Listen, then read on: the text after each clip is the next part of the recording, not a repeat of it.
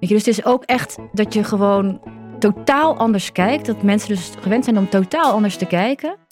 eh, naar hetgeen ze uitgeven filantropisch en hetgeen ze uitgeven eh, als investering. Dat vond, dat vond ik echt opvallend. Welkom bij Money Matters, een podcast van Social Finance NL, waarin geld en impact centraal staan. Door in gesprek te gaan met politici, investeerders, filantropen, banken, sociaal ondernemers en andere specialisten, proberen we antwoord te krijgen op de vraag hoe je sociale impact het beste kunt financieren. Hallo, ik ben Ruben Koekoek en je luistert naar Money Matters. En naast mij vandaag als co-host. Björn Venema, ook Hey. van Social Finance NL. Wat leuk dat je weer bent. Ja, thanks. Na de zomer, Ja, opnieuw beginnen. opnieuw. En jij gaat een triathlon, nee, een Ironman lopen hoorde ik. Klopt. Volgende week, Wat is een wanneer dit Ironman? uitkomt. Het is, een, het is een hele triathlon. Dus dan loop je een marathon en daarvoor fiets je 180 kilometer. En daarvoor zwem je 4 kilometer. En Ongelooflijk. dan ben je een dagje onderweg. Hoe lang denk je erover te doen? Ja, 10 uur, 12 uur, zoiets. Nou, eh, ik, we we wensen je allemaal veel, eh, veel succes. Dankjewel. Eh, en kom heel weer terug. Ehm, en we gaan natuurlijk de luisteraar weer meenemen door het landschap van investeren in sociale impact. En we hadden een korte zomerstop, een, een maandje. En daar hadden we het vooral voor de zomerstop hadden we het over de impact-economie en wat meer macro. Maar we gaan nu weer wat micro de diepte in. En we richten ons volledig op impact investing. En we, bespreken vandaag de toegevoegde waarde van impact investing. En doen we niet alleen, Björn. Wil jij onze gast introduceren? Absoluut. Eh, vandaag bij ons gast is iemand die alles weet over sociaal ondernemerschap. Eh, hoewel ze dat misschien in het begin zelf niet helemaal had verwacht. Eh, maar het vak werd aangewakkerd tijdens haar werk in de jeugdzorg, heb ik begrepen. Daarna was ze onder andere oprichter van Ashoka Nederland, eh Fase Benelux.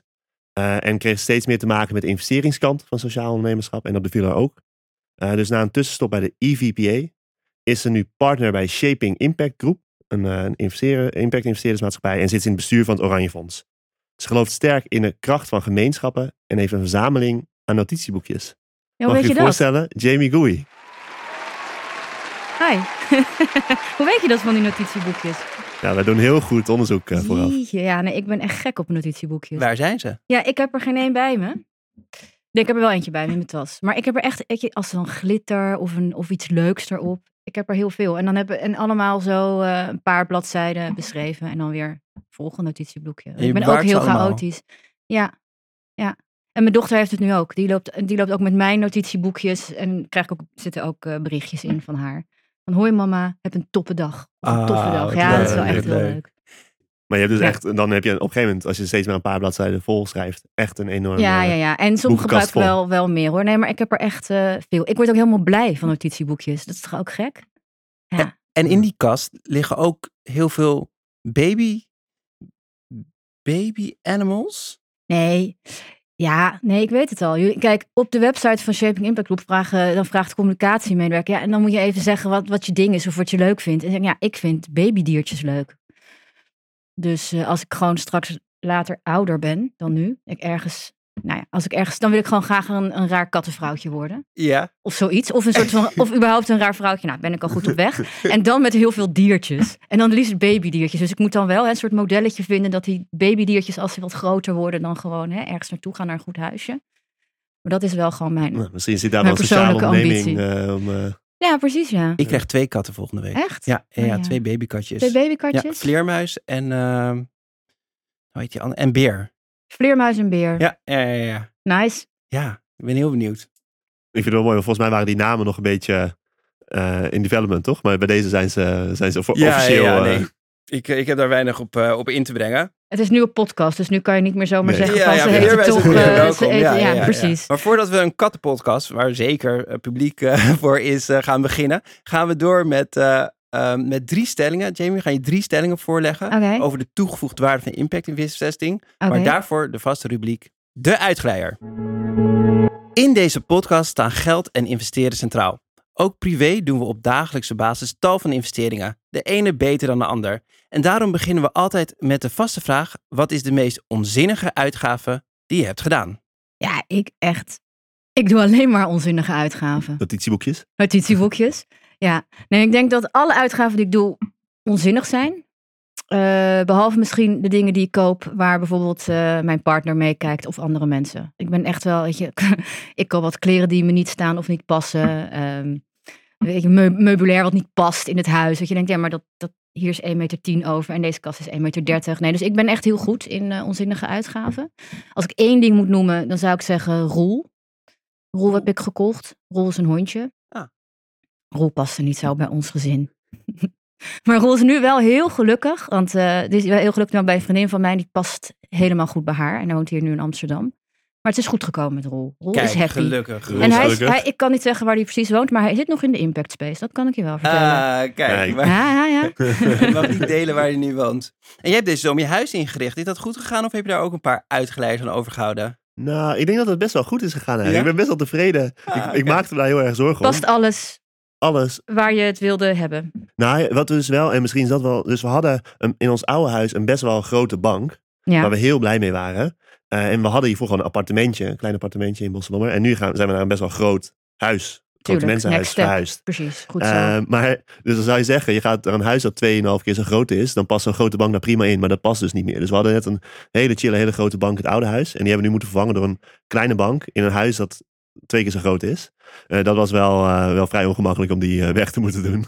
Ah. Eh, snap ik. Maar Nou. dat is gelukt. Toch nog een uitgeleider, hè? Toch nog een uitgeleider. Ja, en ik moest denken aan die, aan die baby animals, want ik was naar Artis deze zomer. Nou, en Oh. met, met z'n vier naar Artis ben je zo bijna 100 euro kwijt, hè? En dus ik, ik sjouw met, met mijn peuters eh, naar, langs al die beestjes en zo. Naar de leeuwen, de olifanten, de zeehonden. En dan zei ik, nou oké, we zijn er een paar uur. We gaan naar huis. Begon, de, begon gewoon even mijn dochters keihard te huilen. Ik wil naar de koe. Waar is de ja, koe? Ja, ja, dat is gewoon een goed dier. en die is er niet. Dus ik Hebben had ze geen gewoon- koe in Artis? Nee, ik had gewoon naar, naar, naar maar een waarom heb weiland jij kunnen geen gaan. eh, abonnement op Artis eh, als Amsterdammer? Je- Ten eerste help je daar eh, Artis mee. Ja, dat is waar. Ten tweede is het een, gewoon heel goed uitje om even één of twee uur met die kids. En zeg je, nou, we gaan morgen weer, jongens. Want we Ja. hebben een abonnement. Je moet niet een kaartje kopen als je Maar- in Amsterdam woont voor Artis. Maar ik, ik raak altijd mijn pasjes kwijt. Echt? Dus ik ben dan wel, ja, ja, ja. Dus Maar dan- kan niet digitaal? Oh ja. We zitten ook echt om de hoek. Ons kantoor, ons, We hebben, zit we hebben weer een op abonnement verkocht. Tot zover de uitgeleider van de week.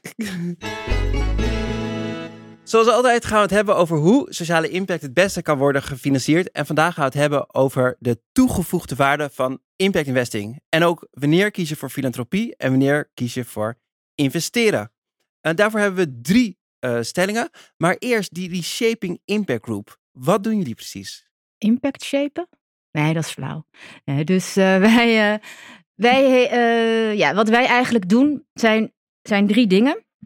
Dus met als hoofddoel eigenlijk kapitaal zoveel mogelijk inzetten voor goed. Hè? Dus hoe kan je inderdaad gewoon zoveel mogelijk impact maken met kapitaal? Dus doen we eigenlijk middels drie dingen. Middels het beheren van impact-investeringsfondsen.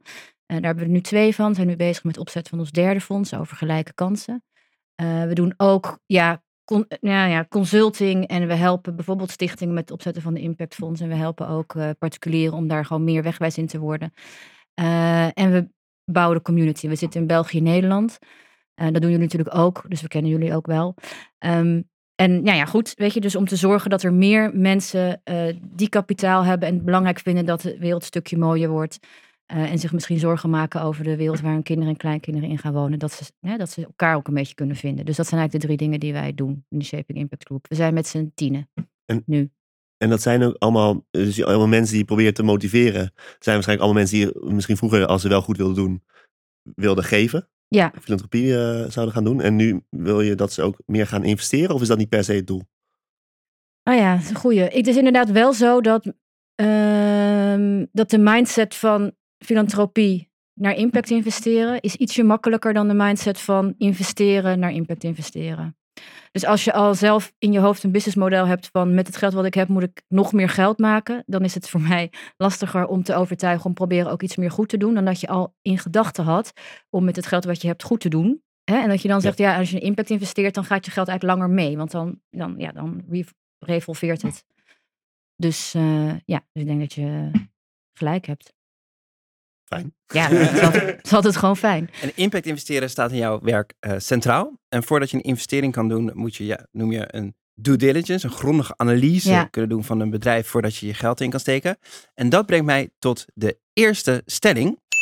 Investeren vergt een grondigere analyse van een organisatie dan doneren. Ja, als stelling compleet mee oneens. Ja. Vertel. Nou, ik denk dat het wel zo is. Hè? Ik denk dat investeerders grondiger kijken. Maar eigenlijk zou je, met, uh, zou je naar een donatie grondiger moeten kijken. Want dat is het duurste geld. Dat geld komt niet meer terug. Je gaat het één keer uitgeven. Je moet, vind ik, echt heel goed zeker weten dat je het echt op de aller, allerbeste manier uitgeeft. En dat het echt terecht komt daar waar je wil, waar je het in gedachten had. Um, en met doneren kijk je toch vaak naar, naar een project. En dan kijk je gewoon van wat zijn dan de stapjes, wat zijn dan de activiteiten. En dan krijg je zo'n kostenpost en uh, wat levert het dan op. En dat is eigenlijk jammer. Dus als je, als je investeert, kijk je wel veel dieper. Want je kijkt natuurlijk naar het, het, de organisatie als geheel, de mensen die erin zitten en wat die mensen dan doen en hoe die mensen samenwerken. Maar je kijkt ook meer naar het potentieel van het idee dan alleen maar het idee. Want wij zien heel vaak briljante ideeën.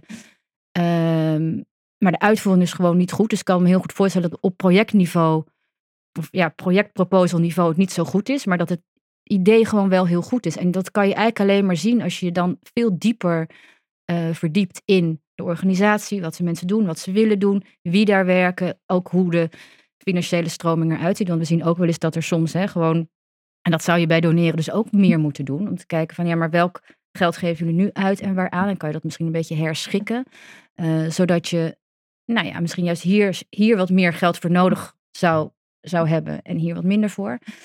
Uh, maar dat gebeurt eigenlijk niet bij donatieaanvragen of heel weinig. Dus bij donatieaanvragen kijk je eigenlijk minder goed dan inderdaad bij, uh, bij investeren, maar zou beter moeten kijken. En hoe, want je bent ook bestuurder bij het uh, Oranje Fonds, um, maar hoe in het algemeen kan je ervoor zorgen dat er anders wordt gekeken naar donaties? Dat die kennis van impact investing ook bij mensen terechtkomt die donaties beoordelen? Ja, het Oranje Fonds en ik denk ook wel uh, veel andere grote fondsen zijn daar denk ik wel mee bezig en kijken daar ook naar. Ik denk dat één antwoord is uh, meer op, weet je, dus meer uh, organisatiesupport dan projectsupport. Want dat, dat geeft ook heel veel onrust en dat, geeft, dat, dat, leidt gewoon tot een, tot een dramatische administratie met allemaal aparte hokjes en funders. Ik denk dat, dat, dat ze dat wel doen. Maar er zijn natuurlijk een heleboel vrij kleine of kleinere organisaties dan toevallig het Oranje Fonds. En die ja, die doen dat niet. En hoe ze daar inderdaad toe moeten komen. Ja, dat is denk ik toch weer die uitwisseling en, en meer het samenkomen om, uh, om kennis te delen.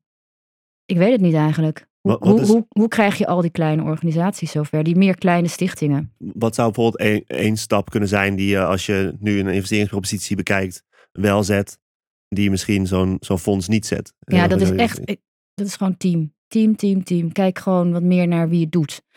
Want stel je voor dat je iemand hebt die echt briljant is, hartstikke goed is, maar gewoon echt niet zo goed in het schrijven van een plan. En dan, dan, dan word je er gewoon in principe, kom je niet door eh enige, ja, je kom je er gewoon niet door, zou ik maar zeggen, binnen de, binnen de projectproposal eh, structuur.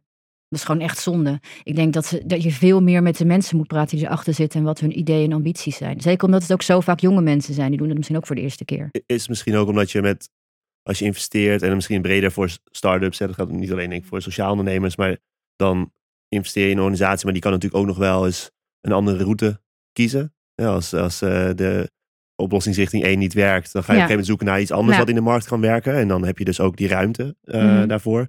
Terwijl inderdaad als je geeft, dan is het eigenlijk heel specifiek een project en die slaagt of niet. Dan is eigenlijk niet een, een mogelijkheid om te zeggen, nou, eh, ehm, deze aanpak werkt niet, ik ga toch aanpak B proberen. Eh, omdat nee, als je niet inderdaad, binnen de, omdat, binnen, ja, binnen donatie is natuurlijk past. vaak eh, gewoon kostenfinanciering. Dus Ja. je hebt al die kosten al afgesproken of de activiteiten. En niet, vaak niet, maar er komt natuurlijk een verandering in, wel, maar vaak niet ehm, het doel. Dus het is niet van, ja, we willen gewoon inderdaad dat er 80 meisjes naar school gaan hier in Ethiopië. Nou, succes ermee, zoek maar uit hoe je het doet. Als dit niet werkt, probeer dan dat, het is oké. Maar zo gaat het natuurlijk niet. Bij donaties gaat het natuurlijk vaak van, ja, we willen 80 meisjes naar school. Nou, wij eh, gaan dit doen en dan gaan we dat doen en dan gaan we dat doen. En je kan heel vaak, heb je gewoon geen ruimte om dan, ja, wat je zegt, tussentijds, want dat heb je niet afgesproken. Je hebt afgesproken om dit hele stappenplan. eh, en heel vaak weten projecten ook al, hè, of goede doelen ook al, dat halverwege dat het niet eh, lukt. Want ik heb zelf Child Adventure opgezet, daar hebben we acht jaar gerund en we kregen op een gegeven moment de overheidsfinanciering. En dat stond heel gedetailleerd, stond er wat we elk jaar gingen doen, in welk land, met hoeveel mensen. En op een gegeven moment wisten we ook gewoon dat dat eigenlijk beter kon en dat we het geld beter iets anders uit konden geven om meer te bereiken. Maar daar was inderdaad geen ruimte voor. En dat is wel typisch ehm, bureaucratie in, eh, in het geefsysteem, in het filantropisch systeem. Ja, en het eh, komt misschien ook wel omdat je het moet, eh, je moet het ook rechtvaardigen. Dus, dus als jij Ja, als impact investor zegt van, hey, heel leuk bedrijf, maar ik heb er geen vertrouwen in, prima. Maar als je dat als filantroop zegt, moet je zeggen: Oké, dit zijn de gronden waarom ik, waarom ik jou afwijs en jou niet. En zeker als overheid, eh, ja, moet je dat heel goed kunnen uitleggen. Dus je kan ook minder goed op je gut feeling afgaan van: hé, hey, ik heb vertrouwen in dit team of niet. Ja, maar ik denk wel dat zou, zou daar dan niet impactmeting en impactanalyses daar gewoon ook een soort antwoord op zijn? Want dan spreek je met elkaar gewoon af, dit is de impact die we moeten realiseren. Dus dan zou je toch denken dat, dat je echt wel een beetje van dat stappenplan en van die kostenfinanciering af kan gaan. Omdat je dan gewoon met z'n allen afspreekt, nou, het gaat dus om die 80 meisjes. Uh, spreek je wel weer over uh, anderhalf jaar. Succes. Ja. Ik Ja, denk nee, dat dat ja. wel, dat zou dan toch een, dat zou dan toch een, eh, maar goed om terug te gaan naar de stelling. Dus ja, ik denk dat je, Ja. dat je grondiger moet kijken. Maar ik denk wel dat impact meten wel echt een antwoord is om ook daar te komen. Does it make sense? Nee, zeker. Ja, en ik denk dat als, kijk, als we naar social finance kijken, dan is dat iets wat we bijvoorbeeld heel erg bij overheden proberen eh, beter in te richten. Hè? Impact meten, meer op resultaten financieren in plaats van op activiteiten. Ja, Eh, maar als ik het je zo hoor zeggen, zou ik zeggen dat dat is misschien ook wel bij de private fondsen nodig. eh, om, het wel. scherper op die elementen te gaan meten Ja. en, te- en ook te gaan sturen. ja maar en, en het is ook grappig, hè? want heel veel fondsen die ook nieuw worden opgezet, ook natuurlijk toch wel de rijke kap- particulieren die nu het geld hebben om dat te doen. Die, ja, die, die zijn zelf vaak ondernemer geweest. Die weten hoe je hè, creativiteit moet Ja. inzetten om tot iets te komen. En toch, als het dan het filantropisch geld is, dan kijken ze zo. eh, echt op een, op een, op een kostenbasis. Eh, en ik heb ook wel eens gevraagd, hè, ik stond wel eens voor een groep, ehm, eh, ehm, ja, er waren gewoon vermogende particulieren. En ik vroeg op een gegeven moment van, nou, wie van jullie heeft u wel eens geïnvesteerd of direct investment gedaan? Nou, er ging bijna alle handen gingen omhoog. En ik vroeg daarna ook van, eh, wie van jullie heeft wel eens een donatie gedaan? Gingen eigenlijk ook alle handen omhoog. En de derde vraag die ik stelde was, hoeveel van jullie heeft in, hetzel, in dezelfde organisatie een investering en een donatie gedaan? Ja, gewoon nul handen omhoog. Weet je, dus het is ook echt dat je gewoon totaal anders kijkt. Dat mensen dus gewend zijn om totaal anders te kijken. eh, naar hetgeen ze uitgeven filantropisch en hetgeen ze uitgeven eh, als investering. Dat vond, dat vond ik echt opvallend. Dus het, is, het is ook gewoon in, in het hoofd van een vermogende particulier of eh, van een investeerder ook echt gescheiden. En dat hoeft natuurlijk niet. Helder, dus eigenlijk geef je aan dat niet investeren, maar doneren een grondigere analyse eh, nodig heeft. Ja. Ehm, en om dat te bewerkstelligen is impact investeren, maar ook impact meten eh, kan een hele goede tool zijn. Ja, spreek je gewoon met z'n allen af wat het doel moet zijn. We gaan naar de tweede stelling. In Nederland kun je net zoveel impact maken als in ontwikkelingslanden. Ja, ligt eraan waar je natuurlijk naar kijkt. Maar de situatie op het gebied van welzijn en welvaart is stuk schrijnender dan in, in de Global South. Dus volgens mij is er natuurlijk veel meer te winnen. Omdat op het gebied van gezondheidszorg, educatie, ouderenzorg, eh algeheel welzijn, is het, is het daar natuurlijk gewoon allemaal veel minder dan hier. Dus zou ik zeggen, je kan meer impact maken in ontwikkelingslanden. Het ligt natuurlijk een beetje aan het type probleem. Want wij, wij zijn bijvoorbeeld weer veel vervuilender op een aantal vlakken. Dus dan zou je eh, op, dat soort eh, onderwerpen misschien hier meer impact kunnen maken. En ook, weet je, en als je hier natuurlijk de, de problemen negeert, worden ze ook steeds groter en groter. En dan gaat het, spint het uit, out of control. Maar ik ben ook wel een meisje van de, de ontwikkelingslanden. Dus en ja, als je gewoon daar rondloopt en ziet wat er daar nog allemaal mist, dan denk je toch van ja, er kan, kan heel veel gedaan worden nog.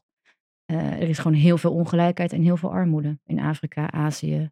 Geloof je dan ook, zeg maar, er is een stroming effective giving, misschien ook al een paar keer eerder hier eh, genoemd in de podcast. Geloof je er ook in die methodiek dat je kijkt waar kan ik het meeste impact maken en daar gaat mijn geld naartoe? Ik vind, dat vind ik echt lastig met eh, effective giving. En ik moet ook zeggen, zoveel weet ik er niet van. Maar wat ik ervan weet is dat. ehm, ik, ik denk dat ik daar niet helemaal mee eens ben. Er gaat natuurlijk heel veel geld naar de Global South. En dat is ook terecht en dat is ook nodig. Maar tegelijkertijd, als je dan hier alle problemen negeert. En dan heb ik het bijvoorbeeld vooral over polarisatie. Dat vind ik zelf echt heel erg eng. Hè? En dat eh, heel veel verschillende verschillende mensen kiezen totaal verschillende informatiebronnen, waardoor we langs elkaar heen gaan leven en elkaar niet meer begrijpen. En dat is dan volgens mij weer, en ligt dan weer aan de basis straks van nog meer andere problemen. Dan denk ik, ja, daar moet ook, daar moet ook eh, gewoon geld naartoe en, en eh, daar moet gewoon verbetering komen. En daar moeten oplossingen voor komen. Dat is dan weer wel wat ik denk. Dus om dan alleen maar allemaal te zeggen, nee, wat nu het aller, allerergste is, is zijn, dat is misschien dan klimaat, I don't know. Ik weet ook niet hoe je dat precies op een lab legt. Ja, dan, dan, ja, dan kijken we allemaal naar links en dan gebeurt het aan, aan de rechterkant, zeg maar. Dus ja, eigenlijk uiteindelijk eh, eh, denk ik dat je daar meer impact kan maken. Maar ik zeg ook weer niet dat iedereen zich dus dan alleen maar daarop moet focussen. Hoe maak je, hoe maak je dan de keuze? Nou, met, met Shaping Impact Group investeren jullie ook. Maar Ja. eh, nee, je spreekt eh, particulieren die misschien eh, meer willen gaan impact investeren. Hoe maak je dan de keuze waar je je op richt? Of dat hier in Nederland is, de Global South of bepaalde sectoren. Ja, bij ons heeft dat. Kijk, wij richten ons inderdaad vooral hier op de problemen hier die er hier zijn. En ook on, dus onder, onder ja, zeg maar in eh, Noordwest-Europa spelen. Eh, en kijk, die keuze maak je. Kijk, inmiddels hebben we daar de expertise. Dus dat is één gewoon reden waarom we daarvoor kiezen. Ehm, ten tweede ook eh, wel een, weet je, ook wel een vraag van onze investeerders. Die zeggen, kijk, wij doen al heel veel in de Global South. De meeste van onze investeerders doen al, zijn al actief binnen klimaat, clean energy en, en de Global South. Maar zeggen ook van, ja, maar wie, hè, wie gaat hier de problemen oplossen? Dus er is ook wel een vraag vanuit de investeerders om ook hier te kijken. Wat zijn de problemen? Wie gaat ze oplossen? En ten derde is het wel zo dat als je Kijk, investeren is dan inderdaad dus echt iets anders dan doneren. Ook omdat je veel dichter bij je investeer staat. Je helpt ze. Je bent eigenlijk, ik ben met, met sommige van onze investeerders zijn we echt wel dagelijks of wekelijks in contact. Helpen we heel hands-on. En dat is gewoon niet te doen. Als je in de Global South investeert, moet je daar eigenlijk ook zitten. Ik zeg niet dat we dat nooit gaan doen. Maar we zitten nu al heel, heel goed in, eh, ja, in onze vibe, zal maar zeggen, van wat we gewoon goed kunnen. En dat is de mensen, de ondernemers hier helpen met, eh, met hun start-ups hier eh, om sociale problemen op te lossen. Die we natuurlijk ook dieper begrijpen. Weet je, dus het is makkelijker om een sociaal issue in Nederland, eh, bijvoorbeeld nu in het onderwijs, al die ongelijkheid en de leerachterstanden van kinderen. In Nederland begrijp ik beter dan, zal maar zeggen, het educatiesysteem in twintig landen in Afrika en nog een groot aantal in Azië, bewijs van. Ja, over die problemen in Nederland, eerdere podcast kwamen die al aan bod. En die zijn talrijk. Eén daarvan is de schulden waar we het over hebben gehad. En ik zag dat je ook betrokken bent in het bestuur zit van Vercasso. Ja, Eh, kan je iets vertellen over eh, wat zo'n Vercasso, welk probleem Vercasso probeert te, te bestrijden en hoe jullie dat doen? Nou, kijk, Vercasso is opgericht eh, door Geime. En Geime zag eigenlijk... Kijk, wat, waar, waar hij zich heel erg druk over maakt, is dat... eh, want hij werkte bij een uh, regulier uh, incassobureau. Waar hij zich heel erg druk over maakt, is dat je op het moment dat, dat, dat, uh, dat de incasso, zal maar zeggen, om komt kijken, dat je dan eigenlijk je schulden heel snel ver, ver, nou ja, weet ik, verdubbelen, vertienvoudigen op een gegeven moment.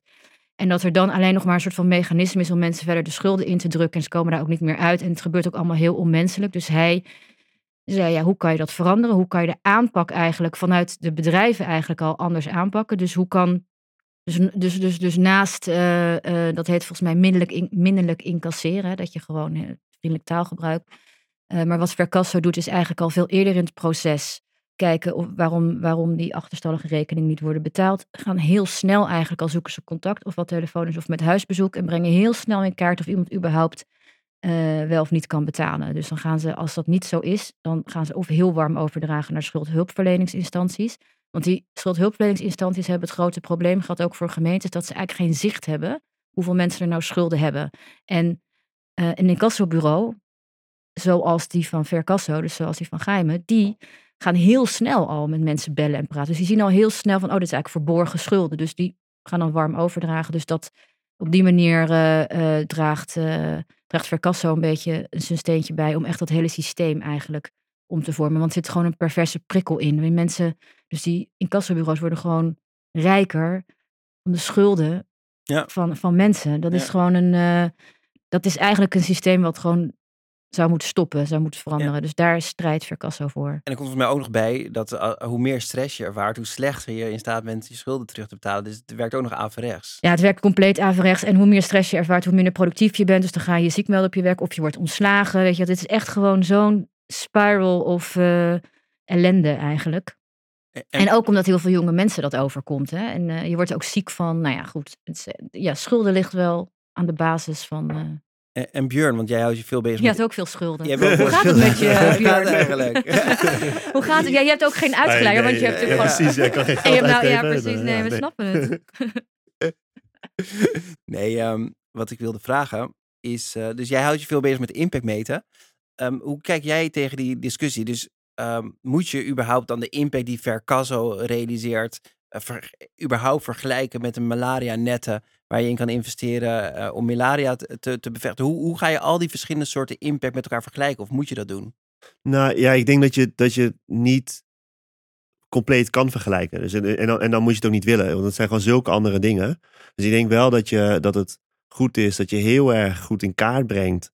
Wat is nou de impact? Hoe kunnen we dat meten? En dat je dat ook op een goede manier in kaart brengt. Hè? Dus eh, dat iemand zijn schulden afneemt, maar dat we ook dan breder kijken naar de, de, de persoonlijke situatie van, een, van iemand. Het, het welzijn of de, eh inderdaad stressniveaus. Nou, daar kan je van alles van vinden. Maar om dat nou met elkaar te, te vergelijken met bijvoorbeeld in het malaria netten is gewoon heel moeilijk, omdat gewoon, het is gewoon een hele andere impact. Ehm, en ik kan me ook wel voorstellen, vanuit een, zeker vanuit een perspectief van een investeerder of een filantroop, speelt er in mijn beleving ook nog wel iets van een, een, een waardeoordeel in mee. Dus eh, waarvoor de een heel belangrijk is dat in de, de buurt waar hij of zij is opgegroeid, iedereen goed kan opgroeien met kansgelijkheid, is voor de ander meer de, die wereldwijde aanpak heel belangrijk. En met, met dat waardeoordeel verandert dus ook, de, eh, ja, verandert ook hoe belangrijk een, een bepaalde impact is. En dat maakt al dat je het eigenlijk per definitie niet, niet kan gebruiken, niet kan vergelijken, omdat dat waardeoordeel heel erg persoonlijk is. Ja, klinkt goed. Ja, ik zit er ook, Ja. ja, ik zit ook even over na te denken. Want dat is precies, eh dank je Björn. Dat is precies hoe ik er ook naar kijk. Want het, het is gewoon, ja, zeker met filantropie is het gewoon, het is heel persoonlijk. Sommige mensen hebben ook zelf iets meegemaakt.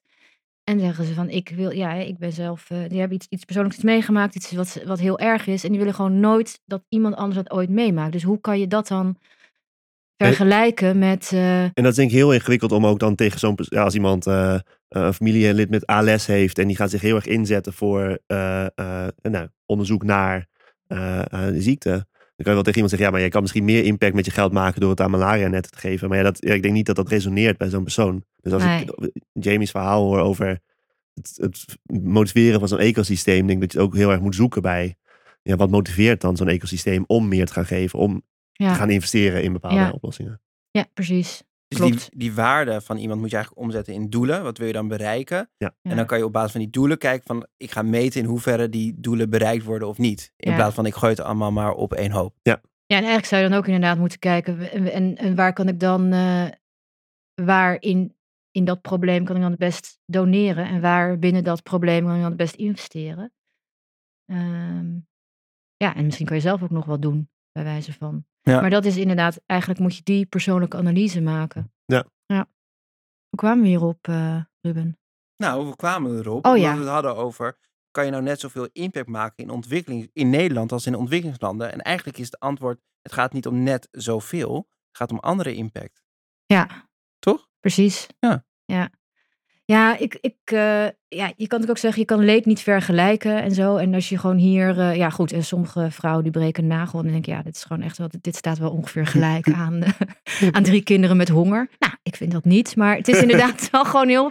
Maar in het algemeen is het inderdaad gewoon lastig om, om, om de discussie ook aan te gaan. Van wat is, wat is echt lijden en waar, eh, en hoe, en hoe ziet lijden in Nederland eruit? En hoe ziet dat eruit in Zambia?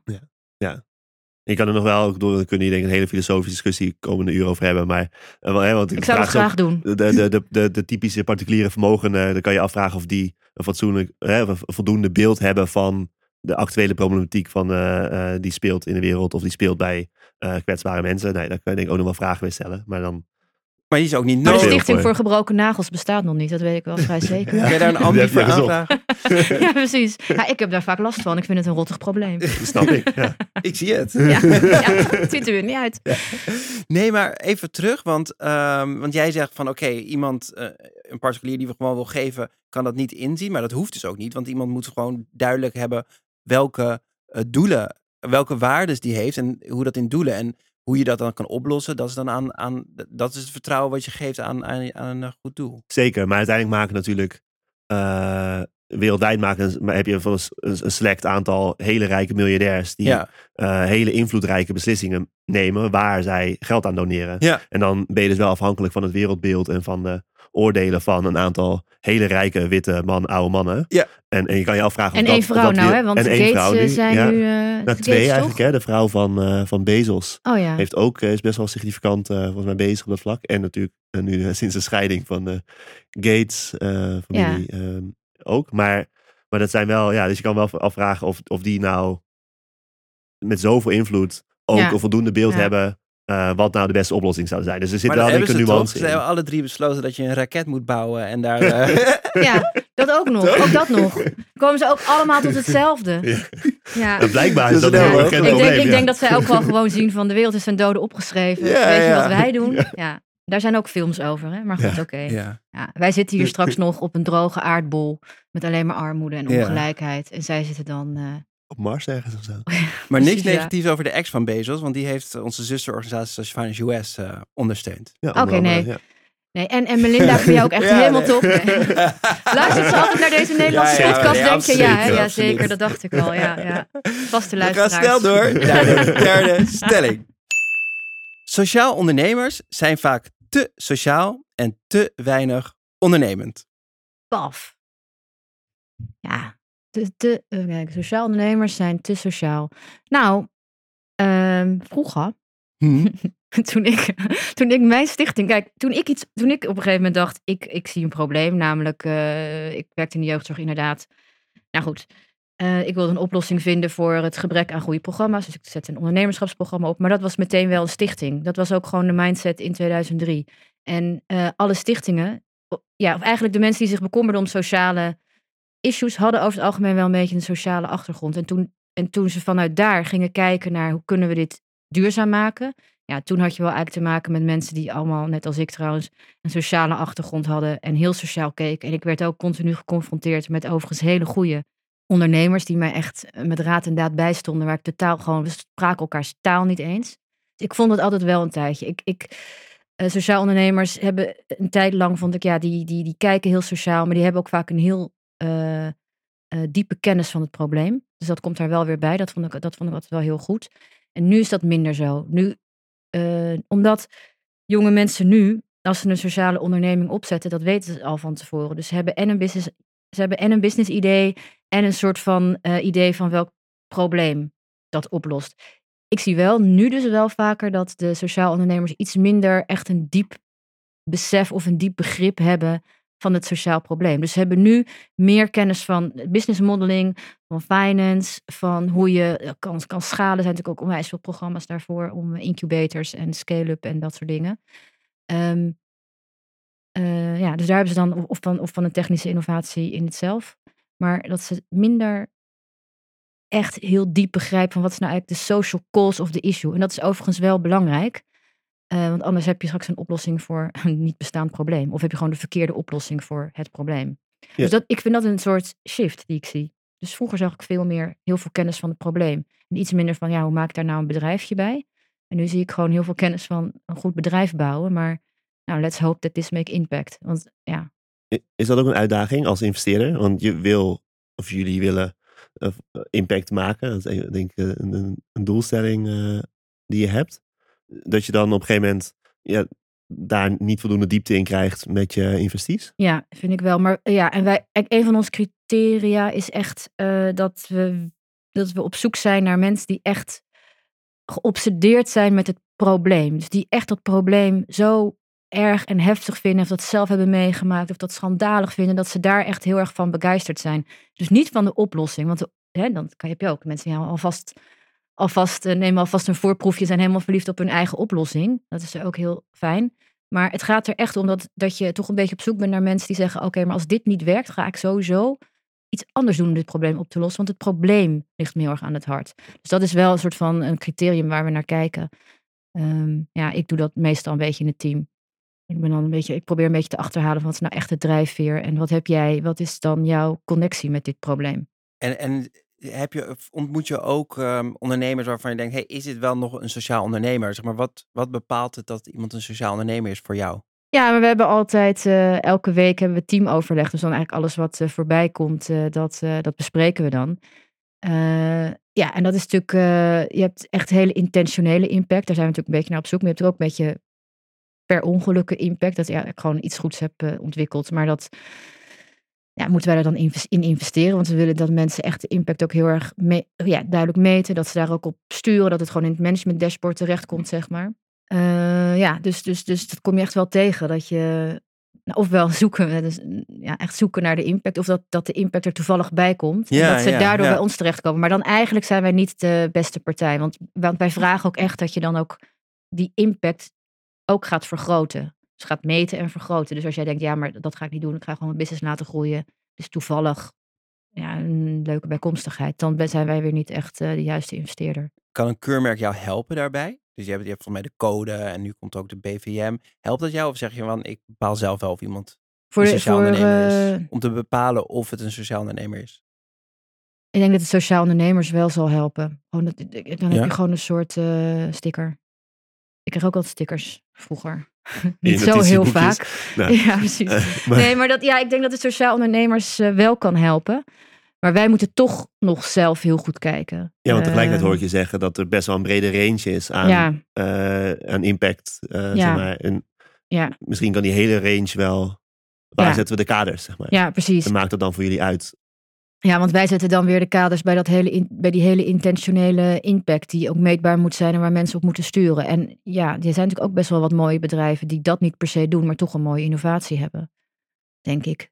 Björn, hoe kijk jij er tegenaan? Je bent altijd een beetje kritisch, toch? Over, eh, over zo'n zo'n Stickers, keurmerk stickers, of een, eh, stempels. stickers. Nee, ik ben, in de basis heel enthousiast over stickers. Maar ja, eh, zie je? Ja, dat is over, gewoon, over eh, ja. keurmerken misschien iets minder. Nee, ik denk dat het gewoon heel. Ik, ik denk precies het verhaal wat Jamie vertelt. Ik denk dat het gewoon heel ingewikkeld is om, om vastgestelde kaders te hebben.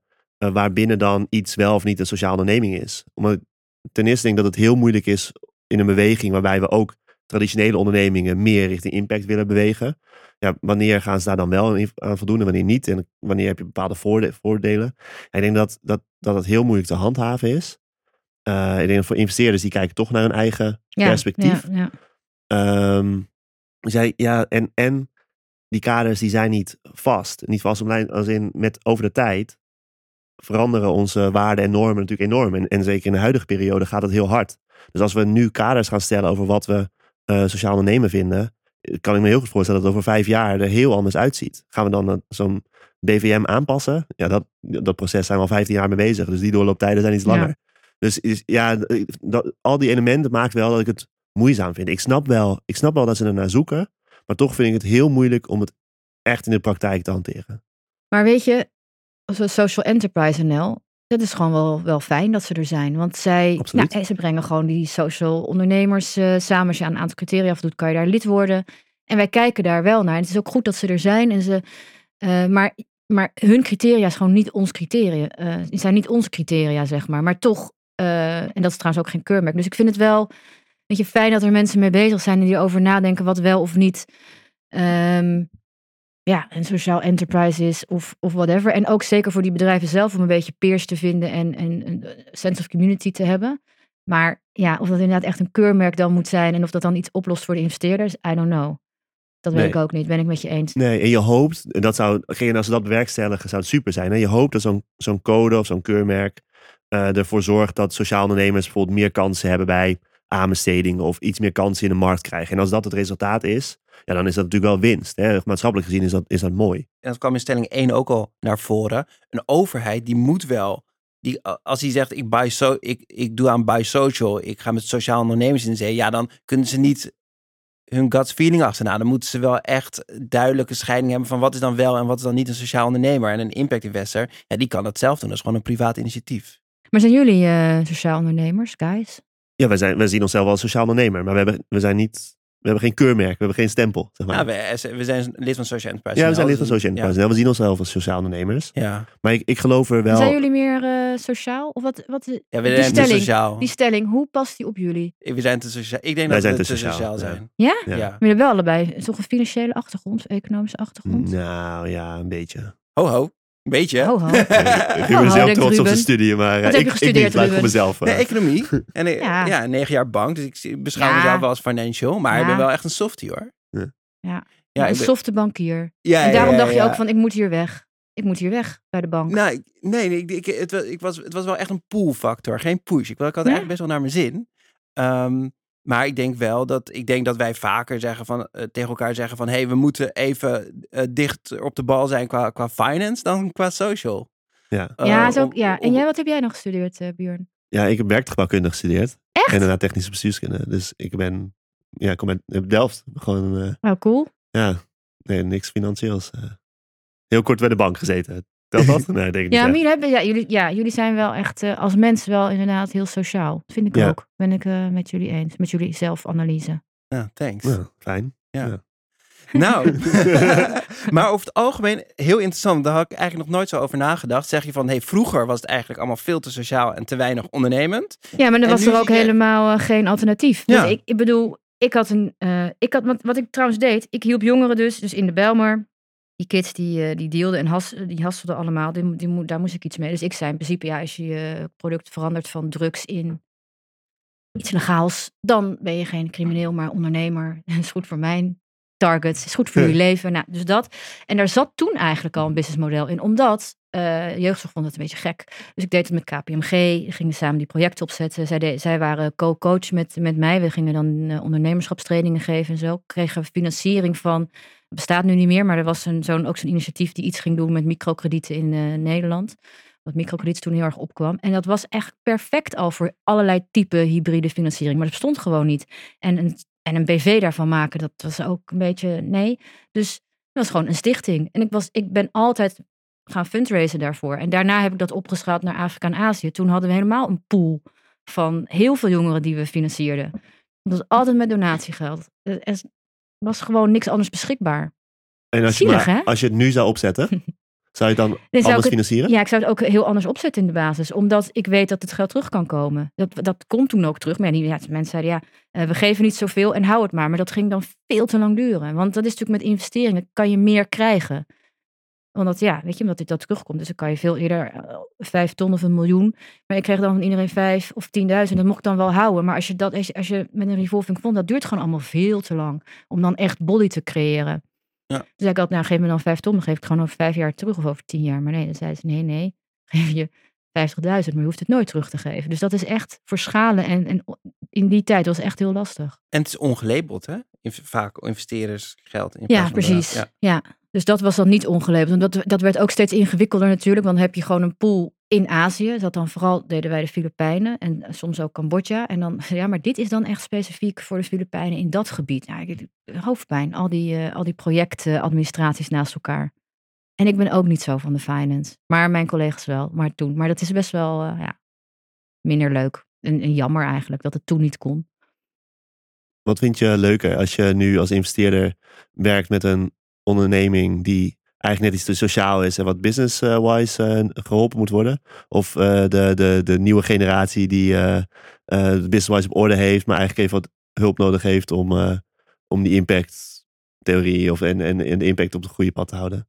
Ja, ik denk, als ik eerlijk ben, dan zijn al mijn collega's supergoed in het eerste. Eh, Bram ook en, en Pieter en Wim, die zijn allemaal, die zijn heel goed om weet je, met, mensen met echt een heel sociaal hart gewoon even gewoon te helpen van oké, dit is een betere manier om je, om je boekhouding in te richten. Het is een betere manier om naar je financiën te kijken, et cetera. En ik ben denk ik in de basis beter in, weet je, eh, om, om, om echt ook eh, mensen dicht bij de sociale missie te houden. Ja, dat denk ik wel. Al, we doen het wel allemaal samen, moet ik zeggen. Het ligt ook aan het probleem, maar ik denk dat dat dan net even meer mijn neiging is. Geen mission drift onder mijn bewind. Kijk, Heel goed. mooi om af te sluiten. Dankjewel. Jamie, in deze aflevering hebben we het gehad over de toegevoegde waarde van impact investing. eh, en hoe je hier als sociaal ondernemer of als impact investor de juiste keuze in kan maken. En ik denk dat het vooral ook heel leuk was om te kijken van wat is nou het verschil in filantropie en impact investing en hoe kan dat elkaar eh, versterken. En bedankt voor alle mooie eh, voorbeelden. En we zijn bijna aan het eind gekomen van de podcast.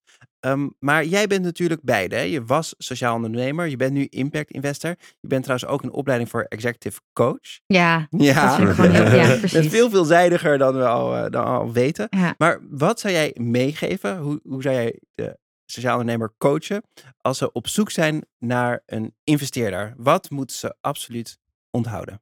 Eh, ja, dat is heel moeilijk. Maar ik kijk, en ligt natuurlijk. je krijgt allerlei mensen en denk je, oh, jij moet iets minder dit en iets meer dat. En dat is dan soms ook omgekeerd. Dus dat is een moeilijke vraag, Ruben. Maar ik denk dat echt het allerbelangrijkste is dan toch een cliché. Dat je eh, jezelf moet blijven. Want uiteindelijk komt in dat hele proces, hè, we kijken, We kijken langdurig. Dat, doen, dat geldt voor alle investeerders. En we kijken ook een paar keer. En meerdere mensen kijken ook. Dus hoe meer jij toneel speelt, hoe groter de kans dat dit gewoon misgaat. Omdat we gaan allemaal kijken. We vragen ook allemaal aan elkaar. Wat, is, wat, wat heb je gezien en gehoord? Maar ook wat was je gut feeling erbij? Uh, en het gaat uiteindelijk echt om het vertrouwen in de persoon. Natuurlijk ook in de plannen. Je kan een plan wel makkelijker aanpassen dan een, een jonge dame of een jonge heer. Dus, uh, dus, dus het is echt belangrijk om jezelf te zijn en ook je eigen kwetsbaarheid te laten zien. Dat nobody cares, want iedereen heeft die. En zelfs de investeerders ook. Um, dus, dus het contact maken, gewoon op persoonlijk vlak ook contact maken met de investeerders, laten zien wie je bent. Dat is denk ik wel het allerbelangrijkste. En dan heb je natuurlijk allemaal tips en tricks voor pitches en hoe je dat moet doen. Sure, maar die authenticiteit is denk ik uh, wel essentieel. Blijf bij jezelf. Blijf bij jezelf. Ik las ook een Engelse slogan ja. daarover op de website. Oh, echt? Ja. Oh, is het heel corny? Wat staat? Nee hoor. Oké. Okay. Chase your mission, not the investor. Heb ik dat gezegd? Dat het, of staat dat ergens? Ja, dat zou kunnen. Of de afdeling communicatie, maar dat is wel... Ja, precies. ik zal even notities sturen naar deze dames. Nee, ja, nou ja, precies. Ik vind hem wel mooi. Ja. Dan zal hij wel van mij zijn. Uh, ja, nu ik erover nadenk. Nee, change your, change your mission, not the, not the investors. Ja, ja. ja. Ja, Dat, is het, dat is het ook gewoon. Kijk, eigenlijk, hè? uiteindelijk, wat daar nog achteraan hoort, wat daar nog achteraan hoort, because then the investors will chase you. Dat ja, is ja, eigenlijk ja, de die kern. staat er ook bij hoor. Oh, die staat er ook Ja, bij. ja, maar die die staat er ook zeker bij. van mij. Oh, Was een is goede quote? Ja. selectief quote. Ik, ik, zie, ik, ik vind vaak dat goede quotes van mij komen. Ja, ik haal hem uit zijn verband. Nee, heel geintje. Nou, dat lijkt me een, mooi- een prachtige quote om af te sluiten bij deze podcast. Björn, wat haal jij uit deze podcast?